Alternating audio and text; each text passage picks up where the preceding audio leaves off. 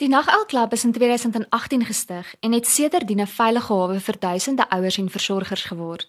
Lente Swift en Susan Smit gesels vandag met Marula Media oor hulle boek Meer as net 'n ma. Baie welkom julle. Dankie, dankie, dankie Christa. Christa. Dit is heerlik om hier te wees. So Meer as net 'n ma se versameling stories en raad wat oor die afgelope 4 jaar erns deel was van die Naguil Klub. Waarom het julle besluit om 'n boek te skryf?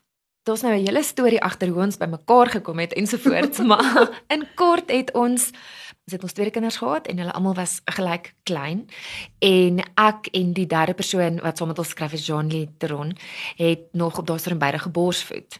So onder mekaar het ons begin gesels oor ouerskap en die deel daarvan wat ons net vir mekaar wys. Ons wys net vir mekaar die een kant van die muntstuk en dat wat gebeur aan die ander kant van die muntstuk en hoe ons voel dikwels jy's die enigste mens op aarde wat 3 uur in die oggend staan met 'n babatjie wat nie wil slaap nie of met 'n kind wat siek is of die duisende uitdagings wat daar oor ouers is en dit moes gedeel geword het. So uit ons ges, interne gesprekke het die Naghal Klub as sulks beweging gegroei en uit dit uit dan nou die boek.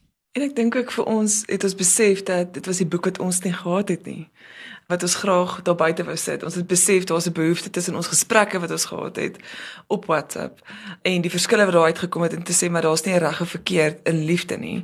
En ons net besef maar geniet elke oomblik is so 'n geuite sending vir iemand om te sê en dan as jy dit nie geniet dan voel jy skuldig. En ons het dit vir mekaar gesê en dit is die ander kant van die muntstuk waarna lente verwys. En ons het net besef maar dit is die boek wat ons graag sou wou gehad het aanvanklik met ons eerste kinders selfs. En is dit ook hoe julle die onderwerpe vir die boek gekies het en hoe het julle dit ervaar om oor dit te skryf? En is een ding om deel van die gemeenskap te wees en op sosiale media daaroor te gesels, maar nou moet jy gaan sit en 'n boek daaroor skryf. So hoe was daai ervaring vir julle? Dit is vir my ongelooflik want ek dink die drie van ons is divers. Ons almal het baie baie sterkpunte. En ek gaan hierdie verlente gee om te antwoord want ek dink wat belangrik is is die raamwerk en die byvoorbeeld die voorstel wat ons ingedien het vir NB Boeke toe ons genader het was haar visie so sterk geweest om seker te maak dat ons die hoofstukke reg indeel dat dit sin maak dat dit nie net 'n samevlansing is nie. Ons het baie baie nuwe stukke ook geskryf. Maar ek gaan verlente gee om te vertel rondom die hoofstukke se name en hoe ons dit gesorteer het om seker te maak dit maak sin uiteindelik Die Nagel Club het in 2018 begin. Ons het begin om te sê ons wil 'n boek skryf en besef ons is regtig net doodgewone maas. Um dit is beide ons strength, die feit dat ek net ek sê baie gereeld, um ek is elke ma. As ek sukkel hiermee, is daar nog 'n ma wat hiermee sukkel. As hierdie vir my vreugde gee, is daar nog 'n ma vir wie hierdie vreugde is. Maar besef wie gaan ons boek koop? Iemand gaan toevallig die boek op 'n rak sien en dink, "O, dit lyk cute. Kom ek koop dit." So toe ry ons dit om. Toe doen ons eers die bemarking, skep 'n gemeenskap en leer by die gemeenskap veral wat is hulle uitdagings en die voorreg om te skryf en gister het ek dit ook gesê om real-time terugvoer te kry oor jou skryf. Jy skryf nie 'n hele boek en dan wag jy vir iemand om terugvoer te gee nie. Jy skryf kort snippets en jy kry onmiddellike terugvoer daaroor. En oor die laaste 3 jaar kon ons nou regtig leer wel beter skrywers word, maar ook leer hoe lyk 'n ma of 'n ouer in sy die Suid-Afrikaanse konteks in 2019 en 2020 met 'n pandemie en 2021 waar ons nou ja. is en real-time terugvoer kry. So ons het ook die voorreg gehad om die marknavorsing te doen en om toe op die ou einde te sê alles wat ons geskryf het, kom ons kyk wat was wonderlik, wat het gewerk, wat het regtig gesprekke en denke uitgelok en mense geskuif en dan om dit in 'n raamwerk in te sit en dan te kyk waar is die gaps, waar moet ons byskryf, wat is nie aangespreek nie ja, om op die einde die boek te hê. En dit was nogals lekker want ek dink toe ons die hoofstukke se name is nogals baie quirky. Dit is nie noodwendig voor die hand liggende mm. hoofstukname nie. Maar soos Lente sê ons het daar was gaps wat gevul moes word met nuwe stukke wat ons geskryf het. En ek dink dit was ook 'n lekker uitdaging geweest. Mm. Is om my nuwe stukke te skryf want toe die naggelklub begin het soos Lente gesê het is Ons tweede kinders was jonk en hulle het nou al aanbeweeg en om weer jouself te gaan delf 2, 3 jaar terug en jouself weer na die skoene te gaan sit en eintlik so 'n terugblik op jouself te hê want obviously groei 'n mens in jou ouerskap en jy groei in jou menswees. deur die naggelklub het ons geweldig baie gegroei. Ons het geskaaf van mekaar en ons het geskaaf van ons vaardighede om te kan skryf. Dit was nogals 'n lekker uitdaging geweest. Jy skryf in die inleiding van die boek dat dit nie bedoel is om 'n handleiding te wees nie, maar eerder 'n gesamentlike soektog na antwoorde en vrae. En dan my volgende vraag is in watter opsig het die naggelklub 'n positiewe invloed op julle gehad? Ons praat oor Patty na toe. Het ons gepraat oor ons dink letterlik aan wat volgende moet gebeur in ons ouerskapsdag vandag want ons bly steeds ouers vir ons kinders. En op pad hiernatoe het ons gepraat oor nou dat die afgelope die boektoer vir Pretoria nou amper afsluit wat moet volgende gebeur op ons lysie vir die kinders vir vandag en vir die volgende paar dae? So ons gaan aan ons ouerskap gaan aan maar in dit kan jy so opgeslurp raak aan die dag vir my persoonlik het die skryf beteken dat ek meer teenwoordig was, meer die oomblikke vasgevang het om iets te hê waarop ek kan terugkyk eendag en nie sê maar dit het so gou gegaan nie, dat ek amper vir myself 'n versamelingstuk bymekaar gesit het om te sê, "Sjoe, dit is hoe ek gevoel het daai tyd." Al kan ek nie noodwendig ek sal waarskynlik die emosies kan herroep, maar dit is amper soos fotos wat ek geneem het in die tyd om sekere oomblikke vas te vang. Die Naghal Club, nie net die boek nie, maar die konsep van die Naghal Club het vir my baie beteken om mense voel altyd jy gee iets en dink dis jy wat gee. Maar dit wat jy terug ontvang altyd in in enige sfeer is soveel meer as dit wat jy gee. So ek skryf sodat iemand anders daarmee kan identifiseer sodat hulle minder abnormaal voel meer normaal minder alleen en geïsoleerd laat hulle kan sê ek ook.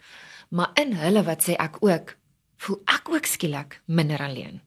En die risiko en die angs wanneer jy iets skryf wat jy jy het net gesê dis een ding om aan die gemeenskap deel te neem, maar dis 'n ander ding om dit te skryf en jouself in hierdie mate bloot te stel is angswekkend met tye want jy wys 'n donker kant van jouself wat ons nie gewoonlik vir mekaar wys nie. Jy letterlik die guts en jou soos ons altyd op handpalm sweet en ek sit sommer my foon af vir 2 dae en wat ook al want jy skryf vir die goed wat regtig ontblotend is en sit dit daar buite en wag vir mense om dan nou te oordeel of om dit te aanvaar en die aanvaarding daarvan is ongelooflik bevrydend vir my ook.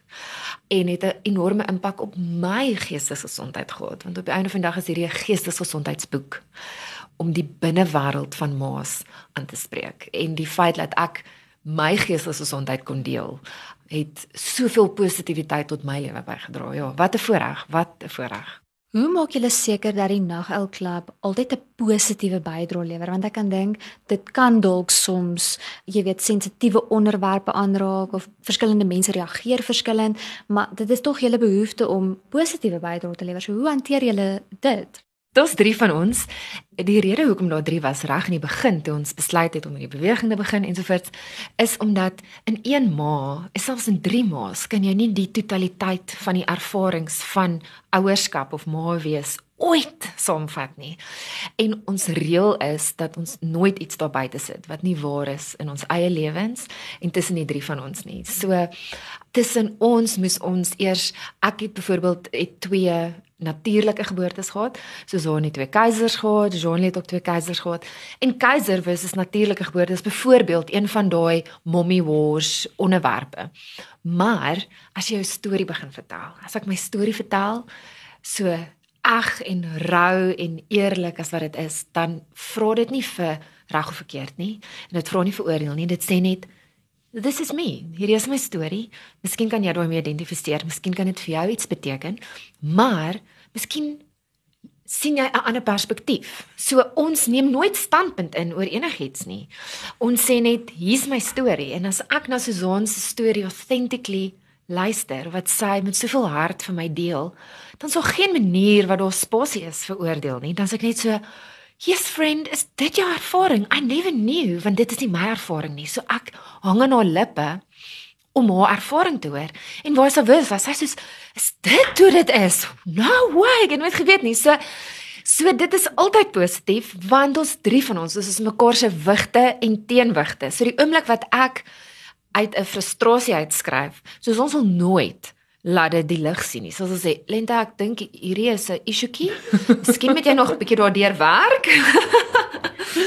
ja, en ek dink vandat ons die naggelklub begin het juis en lente het geraak aan die mammie wors is ek dink in die tyd wat die naggelklub bestaan 3 jaar plus het ons nie meer as 5 comments moes gaan hide of delete of enige iets van die aard nie. En ek meen ons het 21000 followers op Facebook, 7000 sedert gister op Instagram. En die rede daarvoor is so ek sê is toe ons die naggelklub begin het, ons die hele hype geskep vir die tyd uh, 5 4 3 2 1 en ons het die aftel was borsvoed jy of gee jy formulemelk? Het jy natuurlik geboorte gegee of het jy gekeiser? En dit spesifiek het mense getrek en gedink, wat gaan hulle nou hieroor sê? Een van ons hashtags is ouerskap sonder oordeel. En ek dink vir daardie rede, saam met die stories wat niemand se storie kan ooit verkeerd wees nie, is dit 'n positiewe bydrae. Maak nie saak hoe swaar, hoe diep, hoe lig jou ervaring is of die ervarings is wat ons deel nie, want daar's geen oordeel in liefde nie. En ek dink dit is die belangrikste gedeelte. Ons praat nie van almal is reg en niemand is verkeerd nie. Ek praat van in 'n raamwerk van liefde en ouerskap in liefde. Is daar nie oordeel nie. Wie sal die meeste aanklank by hierdie boek vind? Is dit net vir ma's of is dit vir ouers in 'n breër perspektief? Enige iemand wat na kind moet kyk. So ons ons voel letterlik maak nie saak waar daai kind vandaan kom nie, hoe die kind in die lewe gekom het nie, die punt is hier's nou 'n kind. En nou is ons almal in dieselfde bootjie en ons het universele uitdagings, maar die inhoud is ook immergroen en dit is nostalgies. So weer eens dis 'n geestesgesondheidsboek geskryf min of meer wat strek oor die eerste jaar van 'n kind se lewe, maar uit die perspektief van 'n ma se binnekant. Haar binne wêreld wat in haar hart en wat in haar kop aangaan. So daar is ook spesifiek dele vir paas geskryf vir alternatiewe gesinne en ouerskap ensovoorts, maar dit is vir nuwe ma's. Dit is vir enigiemand wat dink om swanger te word, om kinders te hê. Dit is die perfekte baba te geskenk, dis die perfekte Kersfees geskenk, maar dis ook vir mense met ouer kinders wat terugkyk en die nostalgie en ons hart is regtig die genesing ervaar. So die oordeel wat jy op jouself gesit het of wat jou familie of jou kringe waarin jy beweeg het vir die keuses wat jy at the time gemaak het. Is ons hoop regtig dat iemand met ouer kinders of 'n ouma of 'n vorige generasie dit lees en terugkyk en dink, weet jy wat? Ek het goed gedoen.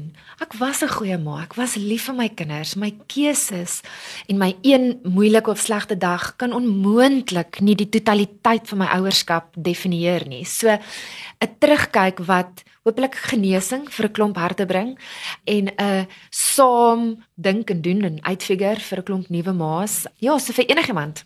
Waarom is jy opgewonde oor die toekoms van die Nagelklub? Ek dink is ook vir enige vrou. Die eerste hoofstuk se naam is Vlinders. Vlinders. Die tweede hoofstuk se naam is die geboorte van 'n ma en die herontdek van jou identiteit. So vir my persoonlik is ek opgewonde oor die Nagelklub vir die positiewe impak wat ons veral in vroue se lewens maak. Dink wanneer ons ma's word, word ons opnuut gekonfronteer met ons liggame, ons selfaanvaarding, is ons goed genoeg? Pas ek in hierdie mold en in hierdie prentjie en sosiale media en die druk en en en op wat dit op ons sit. En my hoop is dat vroue wat dit lees of hulle nou kinders het en of hulle nou nie kinders het nie, opnuut sal besef hoe ongelooflik spesiaal en merkwaardig en besonder ons geskep is en hoeveel meer ons is as wat ons onsself toelaat om te wees en glo om te wees sodat hulle dit sal neersit met 'n groot stuk hoop in hulle hart. Net om daarbey aan te sluit, ek dink 'n vriendin van ons het gisterand het sy ons ook onder 'n vraag en sy sê toe maar al man vra te vir wat dit sy vir die einde van die jaar nodig. Ons almal is op die einde van die jaar en hangende draadjie. En sy sê toe wel, sy wil haar naels laat doen, sy wil haar hare kleur en sy wil botox hê. Maar sy sy voel sy kan dit nie deel nie want sy wil deel dit. Dis real. As dit is wat jou as dit is wat jou nourish te if that is what makes you nourish to flourish, dan is dit dit. Maar as dit ook is dat jy sê byvoorbeeld vir 'n halfuur vanoggend met stil raak en rustig moet wees, doen dit ook. Ek dink die boek gee toestemming en waarom ek opgewonde is oor die Naggelklub is ek dink ons stories gee toestemming vir ander om hulle stories te vertel.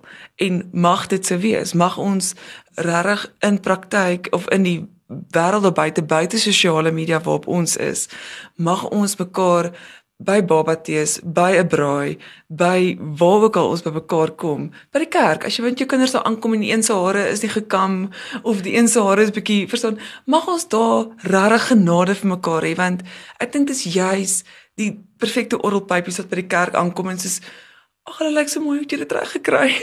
en wat ons regtig probeer bewerkstellig is om te sê, weet jy wat, ek het gesukkel want my twee dogtertjies het vanoggend almal seker elkeen het seker 3, 4 outfits aangehad voordat hulle kerk toe gegaan het. En ek dink daai egtheid daarvan wil ons tuis bring onder mekaar en ek dink die Naggelklub kan nog baie ver gaan om dit te doen. Mm, ek weet net ons het by Suzan geslaap. So ek's van die Kaap af. Die laaste 3 dae Suzan se dogtertjies is ongelooflik soet. Ek het 'n seentjie. en ek lê gisteroggend in die bed en almal praat so mooi met mekaar en dat dit in die volgende oomblik beklei hulle en ek sê ag dankie dankie tog. Ek is normaal. Daar beklei se ons se kinders. Yes. Dit gebeur meer gereeld as wat jy dink. Nee nee nee maar wat ek probeer sê is daai die oomblik wat ek in jou huis is en sien in jou huis yes, in die oggende voor skool gaan dit soos in my huis in die oggende voor skool ja. het ek meer genade met myself? Yes. So genade verander maar dis maklik om genade verander uit te deel nê genade met jouself. As jy in daai spieël kyk moet jy eers die liefde wat jy so maklik vir ander mense uitdeel, eers vir jouself uitdeel.